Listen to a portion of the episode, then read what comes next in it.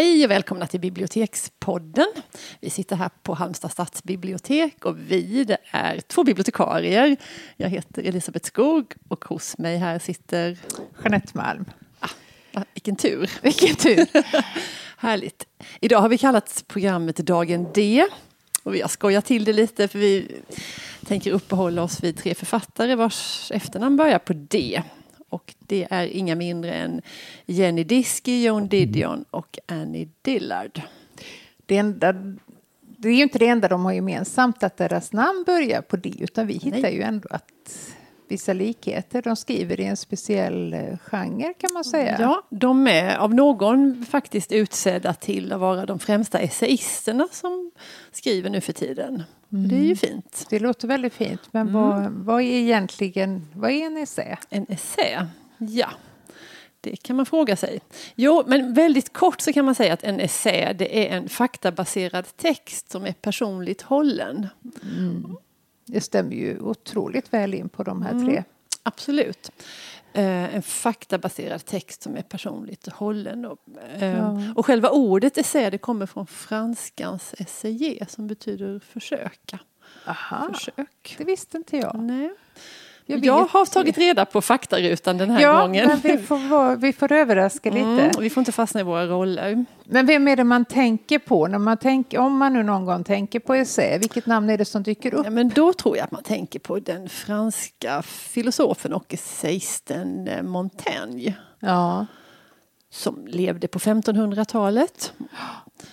Um, och hans samlade essäer finns i olika, ganska nyligen översatta utgåvor. Mm. Och det refereras ofta till honom. Ja, jag vet ju att min, eh, min, min Bodil, mm. Bodil Malmsted, mm. Eh, det är ju hennes husgud kan man säga. Ja. Hon läser och skriver mycket om Montaignes essäer. Mm. Faktum är att min chef här i huset gick loss väldigt när jag nämnde Montaigne. Hon började hoa och tjoa och var Oj. väldigt intresserad av Montaigne, visade det sig. Okej. Okay. Så var det. Ja. Men du, ska vi gå till våra den? Ja. Vilken är det första vi vill prata alltså det är då Jenny Diski som ja. vi är en gemensam favorit. Vi har mm. skrattat och glätts mycket åt hennes ja. böcker. Eh, och nu har vi tagit fram dem igen. Hon är oerhört rolig. Hon är väldigt slagfärdig. Eh, men hon inte, alltså det finns ett djup i det hon skriver Definitivt. också. Hon är både beläst och berest. Absolut. Berest är hon sannerligen fast det, hon hatar att resa. Mm. Det tycker jag är så intressant. För man, skulle kunna, man skulle också kunna tänka att det, skulle, att det skulle kunna vara något kokett drag i det där. Åh, jag hatar att resa och så ja. reser jag ändå jättemycket. Ja, hon, är, alltså, hon måste resa för hon arbetar som reseskribent och mm. det är svårt att göra hemifrån. Man ja. måste liksom, ja. det ingår. Varför hon gör det, det är en, en annan femma. Ja, men det finns liksom inget koketterande när man läser det så, så, är hon verkligen, hon gillar det inte. Nej, hon gillar det inte. Nej.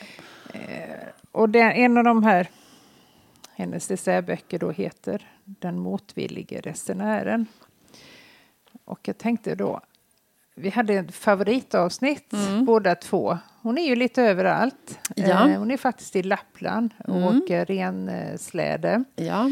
Men hon tillbringar en tid i en eh, stuga i någonstans på den engelska landsbygden. Ja, hon hyr in sig där hos en bonde i denna stuga. Ja, och inte nog med att hon hatar att resa, hon hatar ju att umgås med människor också. Mm. Som hon inte, det där ytliga eh, sociala samspelet, det har hon jättesvårt för. Och det kommer man inte undan när man bor i en liten stuga Nej. på landet. Men då hittar hon på olika knep för hon vill absolut inte umgås med bonden och hans Nej. fru. Hon, hon vill inte gå ut så mycket heller. Nej, hon vill inte gå ut. Hon vill ligga under täcket och läsa. Ja. Men då tänker hon att om hon visar sig ute då kommer de att börja prata och då blir hon inbjuden på fika mm. och sen måste hon bjuda tillbaks och så rullar det på. Och det vill så. hon inte för något Och det vill hon verkligen Nej. inte. Men samtidigt tänker om hon aldrig visar sig så mm. kommer de tro att hon har, det har hänt henne att någonting. Att hon är död. Att hon ligger död i stugan. Men detta... Hon har kommit på en lösning. Hon kommer på en lösning.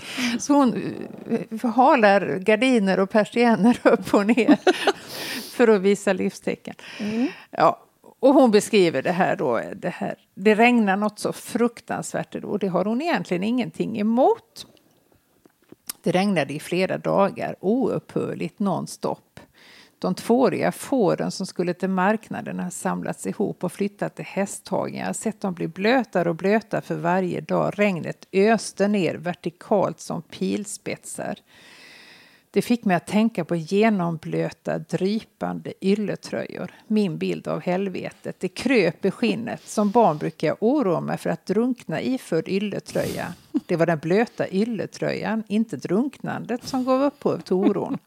Jag klarar fortfarande inte av att se engelska krigsfilmer som utspelar sig till sjöss och där rollen som kapten görs av John Gregson eller den där rare mannen som dog i strupcancer.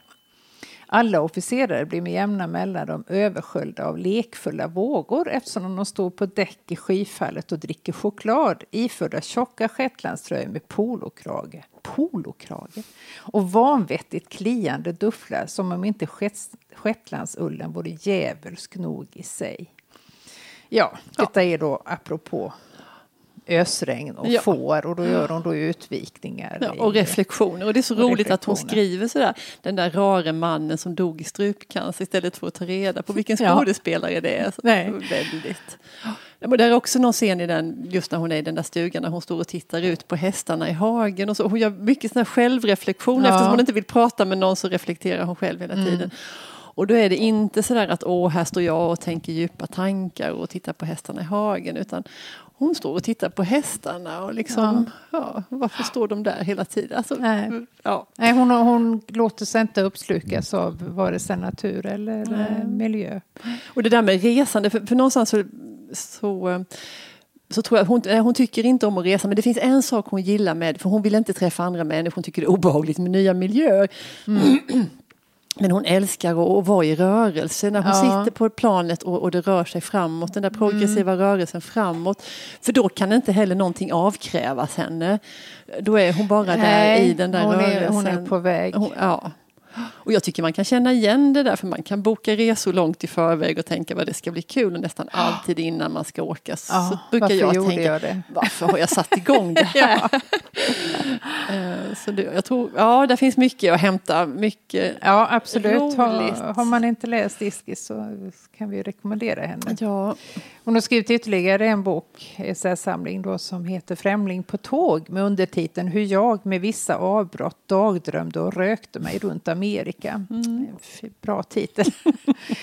ehm, och det handlar om hur hon sitter i rökkupén mm. kan man väl säga. Och, eh, möten då med andra resenärer, det kommer mm. hon ju inte undan.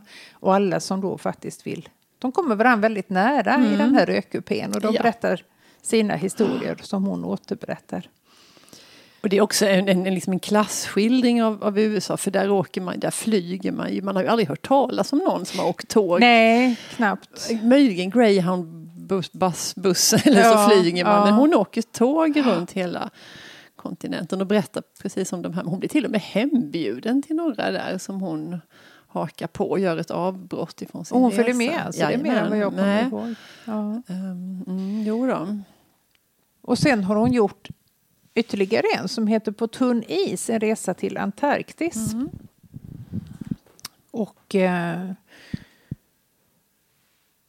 Ja, det handlar ju om, jag har inte sådär jättestarka Hon är med på en expedition. En expedition. Ja, och det handlar mycket om de här människorna på båten och hon är väldigt liksom, skarp och smart och gör iakttagelser om de här medresenärerna. Och där har hon ju drömt om just det här som hon tycker allra mest om. Eh, och det är det här oföränderliga. Mm. Att alla dagar är monotona mm. och den ena mm. dagen är den andra ja, lik. Oändliga vidder, vithet och en resa där ingenting händer. Det är hennes dröm, drömresa. Mm. Men som vanligt då får vi också möta hennes medpassagerare och hon beskriver den här arktiska miljön mm. väldigt bra. Mm. Det var det första D. Vad har vi ja. sen då? Men sen så har vi Joan Didion mm. som blev väldigt uppmärksammad för några år sedan med en bok som hette Ett år av magiskt tänkande. Mm. Den kommer jag ihåg. Ja, när den kom. och det är en ganska tunn, sparsmakad mm. bok. Hon överdriver inte, hon är, det är inget svulstigt mångordigt utan det är väldigt mm.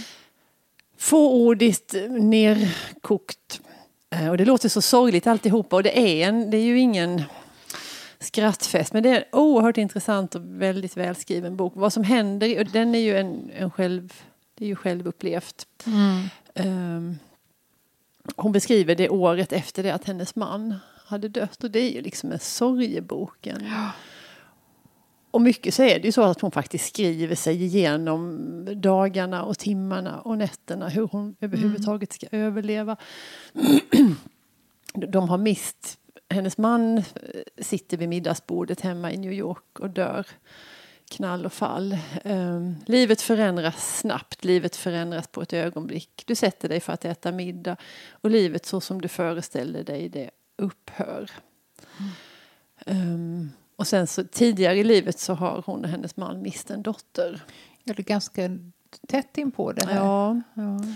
Um, och hon, hon dog också väldigt dramatiskt. Ja, det gjorde hon. Det började som någon helt harmlös ja. förkylning som inte ville ge sig. Och sen tog det väl ett år. Och så, um, mot slutet av boken så dör hennes gamla mamma också. Mycket funderingar kring väldigt basala saker som mm Jo, men det är svårt att beskriva det på det sättet som hon gör utan mm. att det blir den där sentimentala effekten. Ja. Som, eh, det är väldigt svårt att skriva sakligt och ändå inkännande om sådana mm. här frågor och det, det, gör hon väldigt bra. Ja, och hon kan på något vis förmedla tröst fast det inte finns någon tröst att få. Mm. På något sätt så, mm. så lyckas hon. Um, den blev också uh, dram alltså dramatiserad som satts upp som teater både i Stockholm och Göteborg, vill jag minnas. Det var mm. vad man lär sig i den ja. här podden. ja, det gör man.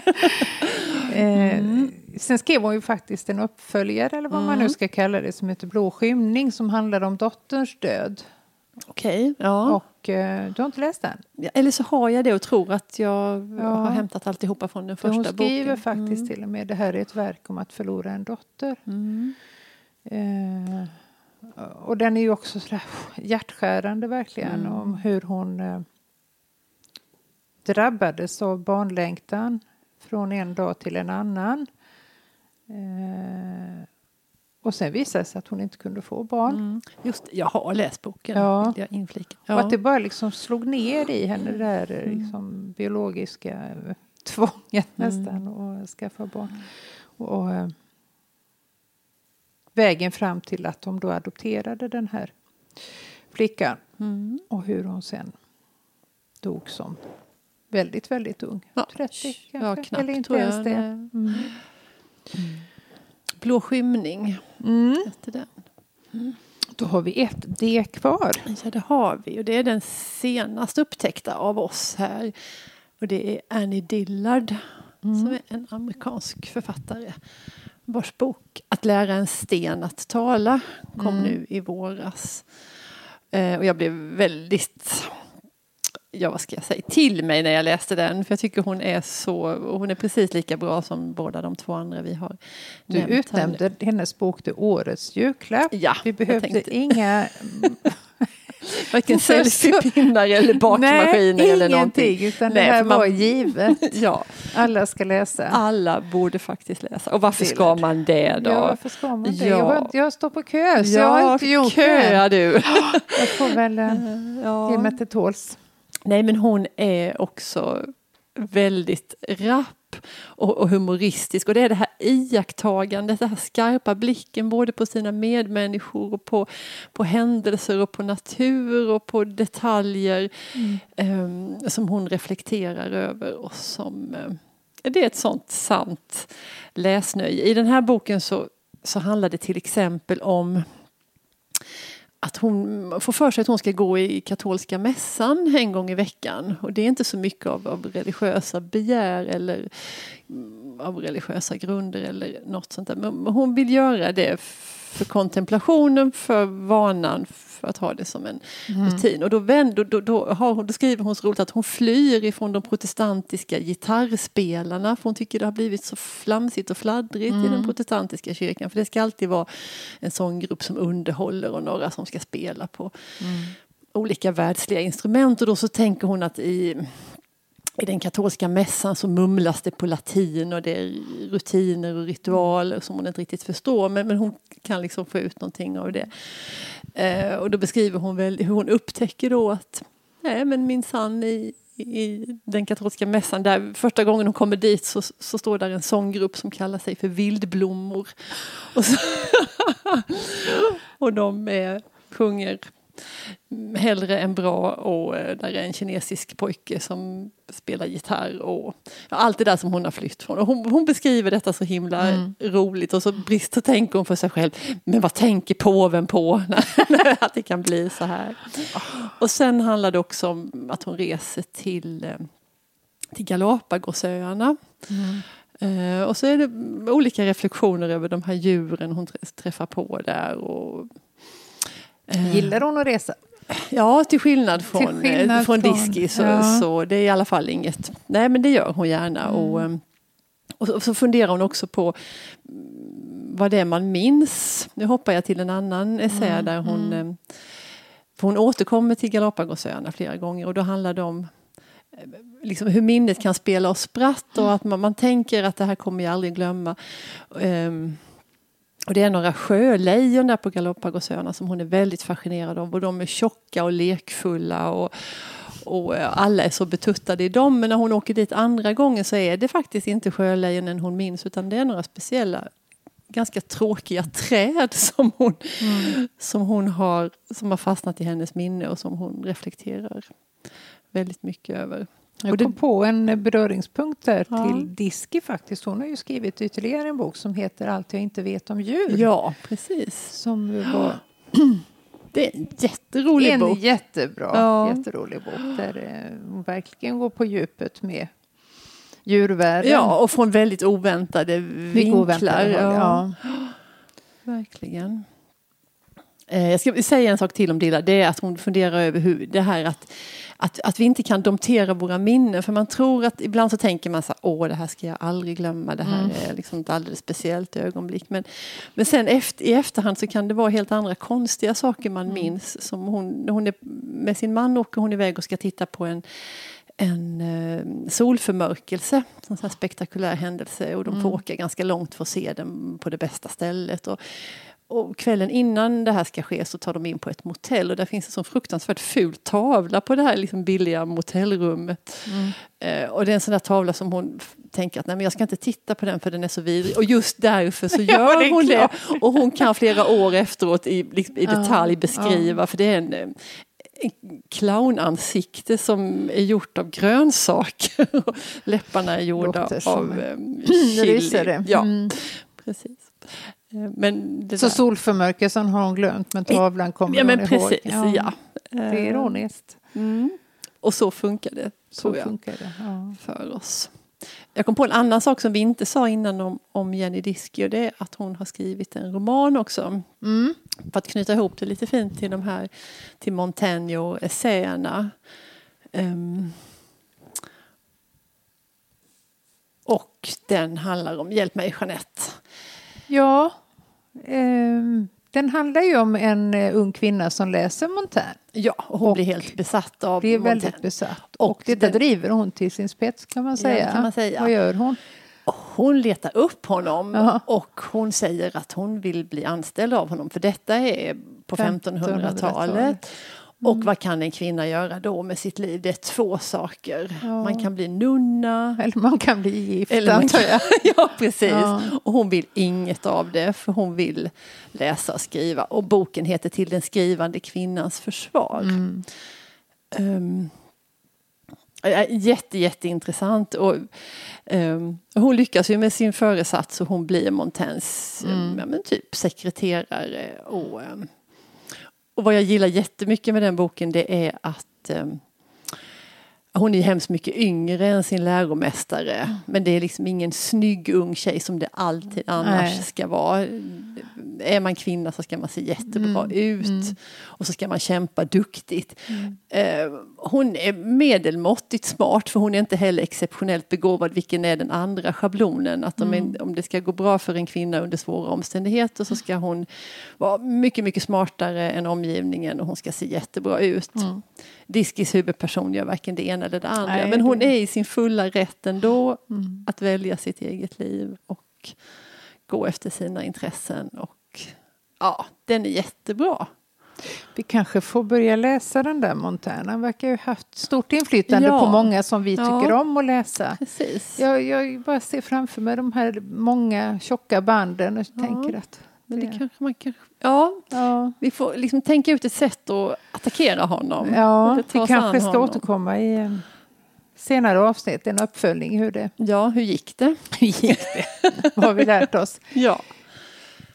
Nej, men vi hade väl inte så mycket mer om detta idag och vad som händer framöver vet vi heller inte. Vi, vi har en rad väldigt spännande gäster kan man väl Ja, säga. verkligen. Men, eh, det är Vi släpper in dem en i taget. en i taget och eh, i sinom tid. Men Ja. eh, tack för idag.